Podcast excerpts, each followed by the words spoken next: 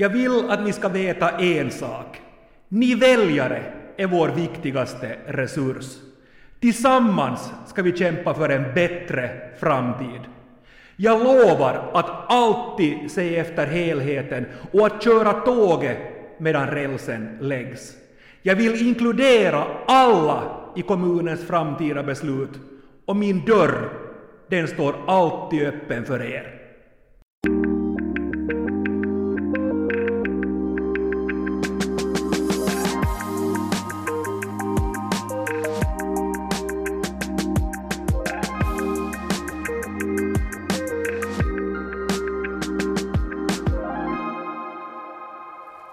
Näst sista ordet är här med mig, Jens Berg, och språkexperten Jenny Silvin. Hej!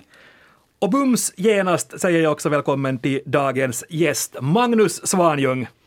Tack för att jag får vara här. Jag, säga, jag är jättetaggad. Ja, taggad är ordet. Det är roligt att ha dig här. Du är Magnus, politisk reporter här på Svenska Yle. Och man kan kanske säga att ditt jobb, det går ut på att göra politiken och det politiska språket begripligt.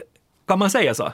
Ja, ja kanske det. I, det, i den mån det är görligt, ja. Uh, jag är ju också kanske själv en del av det. Ibland så börjar man ju liksom upprepa lite sådana modeord och så här. Så kanske det blir så att ni ännu får avslöja mig lite här. Vad roligt, det ska bli en spännande utmaning. Men vad säger, vad säger du Jenny som språkexpert och du Magnus som politisk expert om det jag sa här i inledningen av sändningen. En hurdan politiker var det som talade och vad, vad, vad ville han egentligen säga? Jag blir lite nervös på sådana här metaforer som jag lovar att köra tåget medan rälsen läggs. Men, så det, men, men å andra sidan, så det var en sån här liksom jag ska säga att det var på många sätt en, kanske en typisk man okay. som var politiker här. Men också en uh, person som vill vara tillgänglig för väljarna. En person som ändå önskar signalera att han inte sitter i något elfenbenstorn utan vi vill ha kontakt med mm. väljarfältet. Och i och för sig, just när det gäller kommunpolitiken, så är det ju bra att finnas nära de som liksom, de som de här besluten, politiska besluten påverkar.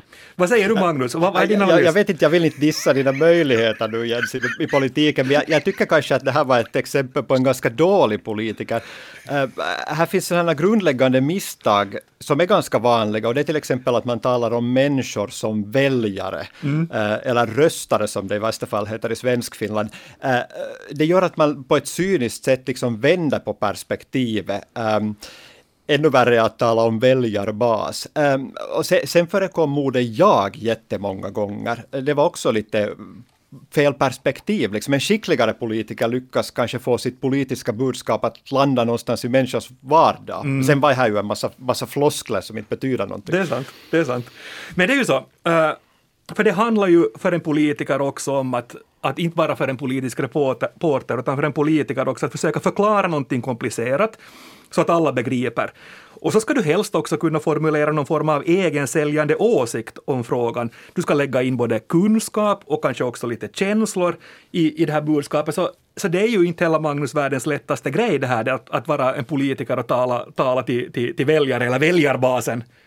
Ja, jag tänker att man kan kanske lite välja av allt det där också. Om man ser på Finlands absolut populäraste politiker Eh, just nu, Sanna Marin och, och, mm, Sauli Niinistö, så har de helt, två helt olika typer av språk och olika strategier också. Statsminister Sanna Marin till exempel, eh, hon talar ju nu extremt tydligt. Nu är inte tid att åka till stugan och så här. Eh, här har hon nu i ett år talat till oss så där som man talar till barn och, och, och vi älskar henne. Mm. Sauli Niinistö då igen, han talar så här kryptiskt så att ingen egentligen förstår vad han menar, men alla kan ändå på något sätt tolka in sin egen åsikt eh, i hans tal, ja. och så älskar vi honom för det. Men hur, hur är det Magnus, under alla de här åren när, när, när du har bevakat politik, lyssnat på politiskt snack och, eh, och, och följt med i, i, i riksdagen, det som våra förtroendevalda säger, har det någon gång blivit totalt obegripligt för dig? Eller hur ofta blir det totalt obegripligt så du måste skrapa dig i huvudet och fundera, vad sa hon eller han nu riktigt? Ja, nu, tänker jag, nu tänker jag på Krista Kiuru, vår eh, uh, familje och omsorgsminister, som ju egentligen har byggt hela sin karriär på sådana här långa och obegripliga haranger. Hon har en sån här förmåga att att hon avslutar varje mening och börjar varje mening med begreppen silta osin och tälta osin, hur man ska översätta så tillvida och därvidlag. Och, och så, så håller hon på så här liksom i, i minut efter minut tills alla till slut är så trötta att man inte riktigt följer med och ingen riktigt orkar ställa följdfrågor. Det finns ett begrepp att man filibustrar i politiken, mm. det vill säga att man Eh, Eh, man liksom talar nonsens så länge att man skjuter upp eh, beslut. Eh, Kiuru lyckades ju filibustra hela vårdreformen under den förra regeringsperioden. Nu lyckas hon till och med filibustra bort sina egna presskonferenser. Det, det tycker jag är fascinerande. På tal om filibustrande och Sanna Marin så var det ju tack vare en filibuster som hon blev rikskändis. Jag minns inte om ni såg den här ena, det här ena inspelningen från Tammerfors fullmäktige, där det var några filibustrar mm. som försökte förhala det här beslutet om spårvagnar, spårvagnar i Tammerfors, ja. och då, då var hon ganska strikt och försökte liksom, alla hade rätt i sin taltur, men hon var ganska så här, visa sin frustration utan att för den skulle vara osaklig. Och jag tror det var liksom det som gjorde henne känd för mm. de breda massorna. Men det svåra är väl, tycker jag, kanske att förstå eh, till exempel vallöften, för att då gäller det ju på något sätt att att vara vag. Eh, jag, har noterat till exempel att, att, att två olika partier lovar att Finland ska vara världens barnvänligaste land, Kristdemokraterna och SFP, men det betyder för dem helt olika saker. För den ena betyder det liksom en progressiv familjeledighetsmodell eh, och, för det andra partiet så betyder det eh, hemvårdsstöd och att mammorna ska vara hemma med sina barn. Um, Sen å andra sidan, om man, om man, om man blir jätte, jätte konkret, som till exempel Antti Rinne eh, med sin valborgshundring, om yeah. någon, som, någon som kommer ihåg den för, för några år sedan, på, under ett första majtal så lovade han 100 euro åt, eh, åt pensionärerna. Och, och sen, sen, började den där hundringen smälta bort, den blev en 50-lapp och det blev vad vi nu har råd med och så här, och då, då kan det där ju liksom, liksom eh, slå tillbaka ja. mot den som ger löfte. Ja. När vi, det, ett område så är ju också alla de här politiska eufemismerna, då att försöka försköna någonting som är negativt laddat eller annars obehagligt och omskriva det här människor utan jobb istället för arbetssteringar för välfärden, istället för att tala om skattehöjningar och, och utmaningar förstås istället för, för problem. Ja, men jag tänkte just när du talar om människor utan jobb så kan det å ena sidan handla om att försköna, ja, men å andra sidan konkretiserar man också. Alltså om man kallar arbetslösa för människor utan arbete så ligger fokus på de här människorna som har problem, som gärna ska ut på arbetsmarknaden. Och då, istället för att tala om arbetslösheten som ett samhällsproblem, talar man om de här personerna som gärna skulle vilja jobba men, men saknar jobb. Mm. Och, och, då, det, då blir fokuset mera människonära och kanske utgående från de här personerna som söker jobb, än från att samhället har problem med arbetslöshet, vilket kostar pengar, för vi måste betala utkomststöd och sen får, blir det skattebortfall. Och, mm. Förutom den här, produktion, den här produktiva insatsen. Sant. Och så kan man ju välja ord också beroende på var man står politiskt. Alltså det här med hur mycket man då betonar människa till exempel, eller system. Eller om vi talar, tar, tar ett klassiskt exempel så kan man tala om föryngringsyta istället för kalhygge. Ja. Men jag tänker just ännu tillbaka till det här att människorna utan jobb och arbetslösheten. Så det ena, man behöver inte välja, utan man kan använda dem som komplement till varandra, just för att belysa ett problem ur en lite, mång, ett lite mångsidigare perspektiv. Du sa Magnus här att, att, att det blir ganska mycket politiska modeord och att det blir trendord och, och trendbegrepp som kommer och går lite, lite grann. Och jag har samlat ihop några här för er. Jag tänkte jag skulle resonera nu när jag har språkexperten och den politiska experten med mig. Och det här är sådana ord och uttryck som jag noterat både i Finland och i Sverige under det senaste året eller de senaste åren. Och här vill jag ännu understryka en gång att jag om någon vet att det här inte är lätt att vara politiker. Jag, jag ställde alltså upp i ett riksdagsval här för senast när det var, begav sig 2019 och, och, det var en ögonöppnare för mig, för jag märkte alltså hur svårt det är när du exempelvis står på ett torg och det kommer fram folk till, till dig och ställer en massa frågor under kort tid till dig och det kan handla ena stunden om torvanvändningen och nästa stund om vi ska ha sommartid eller vintertid och då kommer det floskler. Då, då, kom, då, då, då märker jag själv också att det kommer mycket tom tomma ord, eller det kom mycket tomma ord ur mig. Vad det där skulle jag aldrig klara av. Nej, men det var en ögonöppnare och det var jätte, jättebra. Så med, den, med denna brasklapp, så, så de här har jag noterat, jag pekar inte ut någon, någon annan, de här skulle jag kunna kanske ha sagt själv också.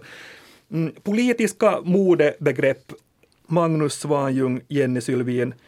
Om en politiker säger vi måste fokusera brett, vad menar hen?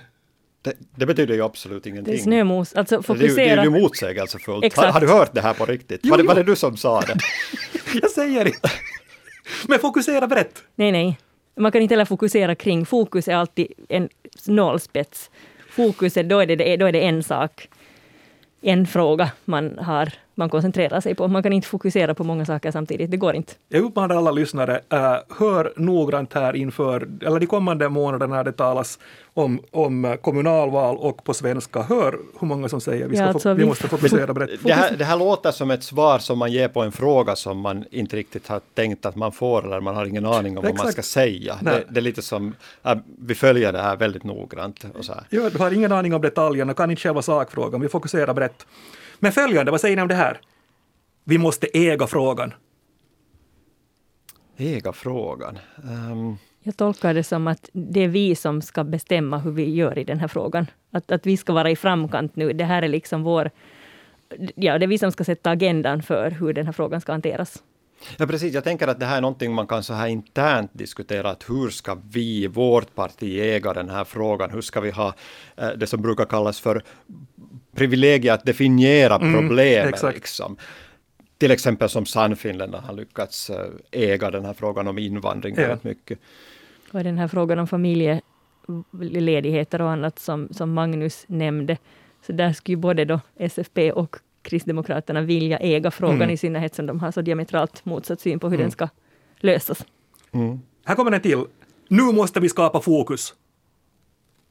Ja, men det är ju bättre, det är bättre än att fokusera brett alltså. Ja, men är inte Magnus ett tecken på att det är total yrsel om vi säger att nu måste vi skapa fokus? Vi har inte en, en jäkla aning om någonting vad som håller på att hända här och det är fullständigt yrt. Nej, men det här är väl bättre om oppositionen säger det än om regeringspartierna säger det kanske. Ja. Ja, det tror jag. Mm. Och- nu och- måste vi skapa fokus här i hur vi hanterar den här coronaepidemin. Mm. Men vad säger ni om det här då? Vi ska först göra en grundlig helhetsbedömning. Ja, men det här är en av mina favoriter, alltså helhetsbedömning är ett um, ord som har uh, kommit kommit fram jättemycket nu tycker jag under den här co- Ja, coronaepidemin. visst. Men oftare då kanske som en, för, på sätt och vis en bortförklaring eller en, en ovilja att, att riktigt berätta varför man har fattat beslut om vissa restriktioner till exempel. Om man frågar en politiker, men hur har ni kommit fram till att, att barnen eh, inte ska få gå i skola, men däremot ska man få gå på krogen. Ja, men nu har vi gjort en helhetsbedömning. Ja. Då ja. blir det väldigt svårt att på något sätt eh, ställa följdfrågor. Så här. Nej, det är sant ja. Men jag tänker å andra sidan just så här, vi ska först göra en grundlig helhetsbedömning. Jag var, eh, en, jag var sent ute, jag lyssnade här helt nyligen på Sara Danius sommarprat om den här Svenska Det var, Akademien-skandalen. det var ett lysande program. Fantastiskt program, men där tänker jag också att här kommer då metoo som sen leder, till att liksom omfattande bidragsfusk och, och missbruk av, eller liksom att någon har använt feltolka eller strunta i för, liksom, akademiens egna stadgar och så vidare. Och det här är ett stort paket som nu landar i ständiga sekreterarens knä. Och här, den här frågan är helt ny, så då tycker jag det är rimligt att först gör vi en grundlig helhetsbedömning. Mm. Jag tänker inte uttala mig förrän jag har skapat en bild av vad allt som ingår här. Nej. Så det kan vara ett det är helt ju- vettigt svar. Mm, kan, okej. Det kan vara, men det är också ett sätt att begrava någonting fullständigt. Eh, I Finland har vi ju den här traditionen av att om någonting är lite svårt att röra i ens med tång, så, så då, he, då hänför man det till en sån här treparts arbetsgrupp som ska göra en sån här grundlig beredning av ärendet. Ja. Och, och, och då kan man vara säker på att det blir inte någonting. Och är det någonting man verkligen vill begrava djupt, så då säger man att man ska göra en, en parlamentarisk utredning. Och det låter ju jättefint att ah, det här är så viktigt att hela riksdagen ska sitta och grunna på det. Men alla som någon gång har följt en sån här liksom, parlamentarisk process vet att det är att man riktigt, riktigt grä- gräver ner någonting djupt under jorden. Okej, här kommer sista till. Vad säger ni om det här? Nu vänder vi blad. Nej. Men det vill man ju ofta göra kan jag tänka. Men är inte Magnus så att man har fått stor stryk i en fråga? Att man har liksom sådär, att nu har man riktigt fått på käften av både väljare och av de andra partierna och nu glömmer vi helst det här, nu vänder vi blad. Mm. Eh, det har en släkting, eh, politiker har, har ju väldigt svårt att be om ursäkt om de har gjort någonting dumt. Eh, då brukar de ofta säga eh, jag är ledsen om någon tolkar det här så att de på ett sätt eller annat blev ledsen eller så här. Mm. Jag tänkte nu testa er. Är ni, är ni med på det båda? Uh, jag har gått igenom fyra olika partiers valprogram inför kommunalvalet som då sannolikt hålls i juni. Och min fråga till er är nu, vilket parti säger vad? Här kommer fyra, oj oj, oj mm, fyra Nej, det korta. Det kan vara svårt. Uh, här kommer det första. För oss är det viktigt att alla kommuninvånare ska känna sig trygga och trivas i sin hemkommun. Vi vill se kommuner som är trygga och där alla inkluderas. I våra kommuner vill vi skapa förutsättningar för det goda livet så att du kan utvecklas, växa och vara lycklig. Punkt. Mm. Ja, men det här kan ju vara vilket parti som helst va? Ja. Ja, i princip. Mm. Uh, man kan, man kan uh, roa sig med att sätta ett inte till exempel. För, ja, det är sant. För, för oss, eller negation överlag, så här, för oss är det oviktigt att alla kommuninvånare är trygga. Vi vill inte att de ska trivas i sin hemkommun. Så det, det, det blir ju nonsens allt det här. Um, samtidigt finns här då någonting sånt här um, Ja, du, sa, du betonar lite den här individen här utvecklas mm. och, och växa och vara lycklig, så att det kan nog vara någonting ehm, så här på den liberala flanken. Mm. Jag, jag gissar på SFP. Det var SFP jag också tänkte på, för det som, det som gav mig SFP-vibbar var det här liksom att alla kommuninvånare ska känna sig trygga och alla inkluderas, så då är det ju liksom någonting som som inte gör skillnad mellan folk och folk och det tycker jag på mm. något sätt är ett värde som mm. ligger Bra. SFP nära. Det var rätt, det var, det var SFP. Uh, äh, här kommer det andra exemplet, är ni med? Mm. Vi jobbar för socialt, ekologiskt och ekonomiskt hållbar utveckling.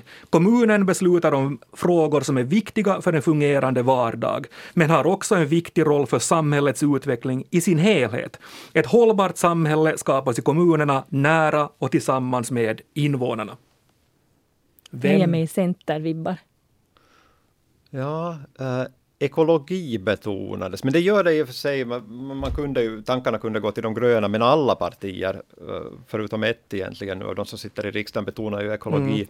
Um, men om jag ändå skulle gissa på de gröna så gissar vi inte på samma med, mm. med Jenny. Det, det kunde ha varit både Centern och de gröna, men det var Socialdemokraterna. Mm, okay. Mm -hmm. nu, nu blir det enklare, men jag tar den här också. Nej, inte vet jag om det blir enklare. Kanske det blir enklare. Det tredje. Kommunerna ska inte belasta sin ekonomi och kommuninvånarnas plånbok med mera äregiriga klimatmålsättningar än staten. Den finländska fabriksskorstenen är en miljögärning. Det är Sannfinländarna. Mm. Ja, det är klart och tydligt. Det är klart och tydligt Sannfinländarna. Det sista, vi måste ställa frågan. Vem kan sköta våra gemensamma angelägenheter så att den gemensamma kakan kan fortsätta att växa? Vi måste först skapa det som ska delas innan man kan dela på det. Ett tomt kylskåp är tomt oavsett hur ofta man öppnar dörren. Okej, det här är ju någonstans liksom um inte åtminstone till vänster om mitten. Det kan, det kan vara Centerns samlingsparti eller det, det hade kunnat vara SFP, men de hade vi den. Jag, jag gissar på Center. Mm. Jag gissar på Samlingspartiet. Det var Samlingspartiet, det kunde ha varit, varit Centern också. Bra jobbat där av er. Vissa var enklare och andra knepigare. Eh, också intressant att läsa de här programmen med, med de här, vad ska vi kalla det för, signalglasögon, alltså hur många laddade ord som finns där, hur mycket ideologi det finns kvar. Och, eller säger alla samma sak i, i valprogrammet? Jo, delvis. Men visst finns det mycket ideologi kvar också. För min lilla ovetenskapliga tolkning är att eh, det finns, hör, på det här, några ideologiska signaler. Vi var inne på Samlingspartiet. De skriver här också mycket i sitt program om individens ansvar och frihet, fördelaktig näringspolitik, rimlig kommunalskatt, valfrihet i vården och så vidare. SFP skriver om två starka nationalspråk och sen då dilemma starka stadsregioner och levande landsbygd på en gång och alla har rätt att skapa sin egen framtid nära dig i livets alla skeden. Socialdemokraterna har fortfarande mycket om jämlikt, rättvist och hållbart samhälle, stärkt offentlig basservice, skäliga arbetsvillkor, inkludering och internationell solidaritet. Och sen då Sannfinländarna. Uh, kompiskapitalism finns, mygel, ideologiskt fåneri, sommarsalmer och julfester hör till skolorna, inte tid att nu bygga konsertpalats och sluta dalta med invandrarna ett, språks, ett partis språk sticker ut här, eller vad säger ni? Mm. På det sättet måste man ju ge dem, äh, Sannfinländarna, att, eh, att de har, har lyckats. Det, det är intressant Um, jag, jag, tänker du, du talar om sommarsalmen hur man, hur man lyckas också skapa politik genom att slå in fullständigt öppna dörrar. Det, det är ju ingen som har förbjudit uh, den blomstertid nu kommer, men ändå lyckas man på något sätt utmärka sig genom att säga att den får ni inte förbjuda.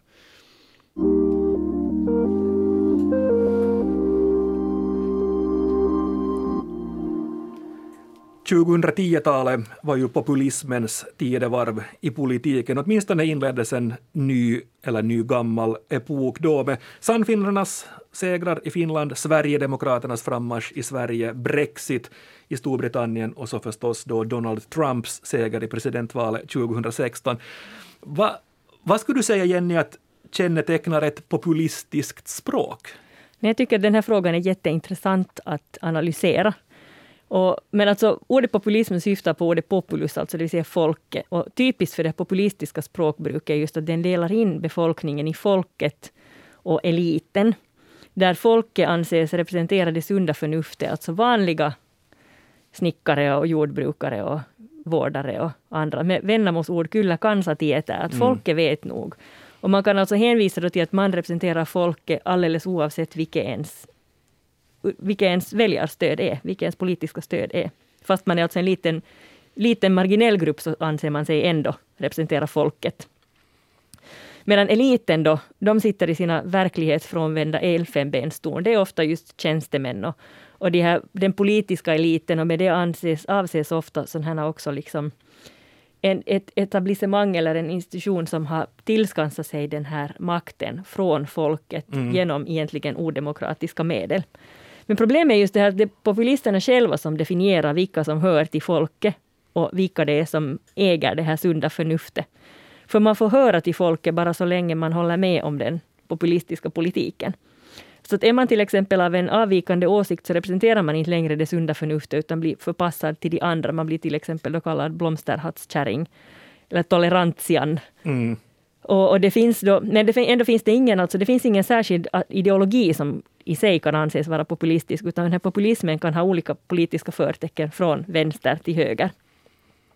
Men typiskt är då alltså att man, de säger sig representera folket, vilket eliten inte kan göra eftersom de saknar kontakt med verkligheten. Och sen här ingår också retorik om att man ska ta tillbaka den här makten. Den makt som borde tillhöra folket men som den här eliten har tillskansat sig. Och sen den andra, en annan sida av den här populismen, eller ett annat drag hos populismen, ofta att den erbjuder väldigt förenklade lösningar på svåra och komplexa politiska problem. Så mm. att, att ett parti kan gå till, till, till val eller liksom bygga sin politik på, på två, säg två frågor, medan politik i själva verket handlar om att sköta hela samhället, liksom allt från kulturpolitik till mm. barnomsorg mm. till invandringspolitik, men, internationell politik och så vidare. Mm, men du sa det här, det här Jenny, att, att det bygger ofta på, på, på ska vi säga, enkla svar på komplexa problem. Men finns inte å andra sidan också en, ska vi säga att man använder lätta och begripliga ord? Att man säger sälja till andra länder, inte exportera. Man talar om rika, inte förmögna. Man talar om att stänga, inte att avveckla. Det här måste ju vara bra för en språkvetare. Absolut, och jag menar, det, men det, kanske, det är kanske inte orden i sig, utan det är liksom det här bakomliggande budskapet. Du sa själv att, att både Sanna Marin som uttrycker sig, eller, eller eh, Magnus sa att både Sanna Marin som uttrycker sig oerhört konkret och enkelt och Sauli Niinistö som lyckas linda in sitt budskap så att alla tolkar det till sin fördel. Att de här båda personerna är väldigt populära. Mm. Men, jag tänker att i bästa fall så gör ju eh, det populistiska språket saker och ting begripligt och tvingar andra politiker också att förklara vad de håller på med. Eh, jag menar, det kan vara en förlösande fråga som varför ska fattiga finländare betala pengar till rika italienare? Eh, för att ta ett, mm. ett aktuellt exempel. Och det är klart att frågan är inte så enkel, men, men det tvingar liksom eh, det tvingar fram uh, någon slags förklaringar. Mm. Men sen, sen tänker jag också Magnus på, på det att, att, att det kommer ganska många uttryck och, och, och, och, svåra saker som blir svåra att argumentera emot. Alltså nu tar jag kanske USA som exempel och Donald Trump typ att jag har gjort mera för det här landet än någon annan, eller billions of billions and billions of, of dollars. Alltså hur kan man bemöta det här i en debatt eller som politisk journalist, att jag har gjort mer för det här landet än för någon annan? Nähä vihi jodo, farfars byxor. Ja, just Trump var väl ganska svår att bemöta som politisk journalist eftersom man inte kunde ställa honom följdfrågor för att då började han liksom skrika face, fake news åt en och jag har inte varit på just hans presskonferenser. Men, men här i Finland är vi ju tack och lov ändå i ett sånt läge att, att om jag vill ställa följdfrågor till sig Jussi halla så är det ju bara så att jag gör det. Jag menar det är bara så att jag ringer upp honom och frågar att vad, vad menar du med det här? Mm. Um, men, men visst är det, alltså, det är väl så här att ju mer huvudlösa påståendena är, desto svårare blir det att motbevisa dem. Ja. En del riksdagsledamöter nu har ju spridit rena konspirationsteorier om till exempel coronaepidemin och, och sådana är ju jättesvåra egentligen att, att bemöta. Ja. Du var inne på, på, på Jussi halla och hans, hans företrädare på posten, Sannfinländarnas ordförande. Timo Soini alltså, det var ju han som var åtminstone inhemsk mästare på att skapa nya ord och one-liners. Han, han då tillsammans med sina spindoktorer, Tuliso Jytky förstås 2011, missa EU, siellä ongelma, typ med EU kommer bara, bara problem, äijä feministi, pököpää, fillari kommunisti. Och så vidare.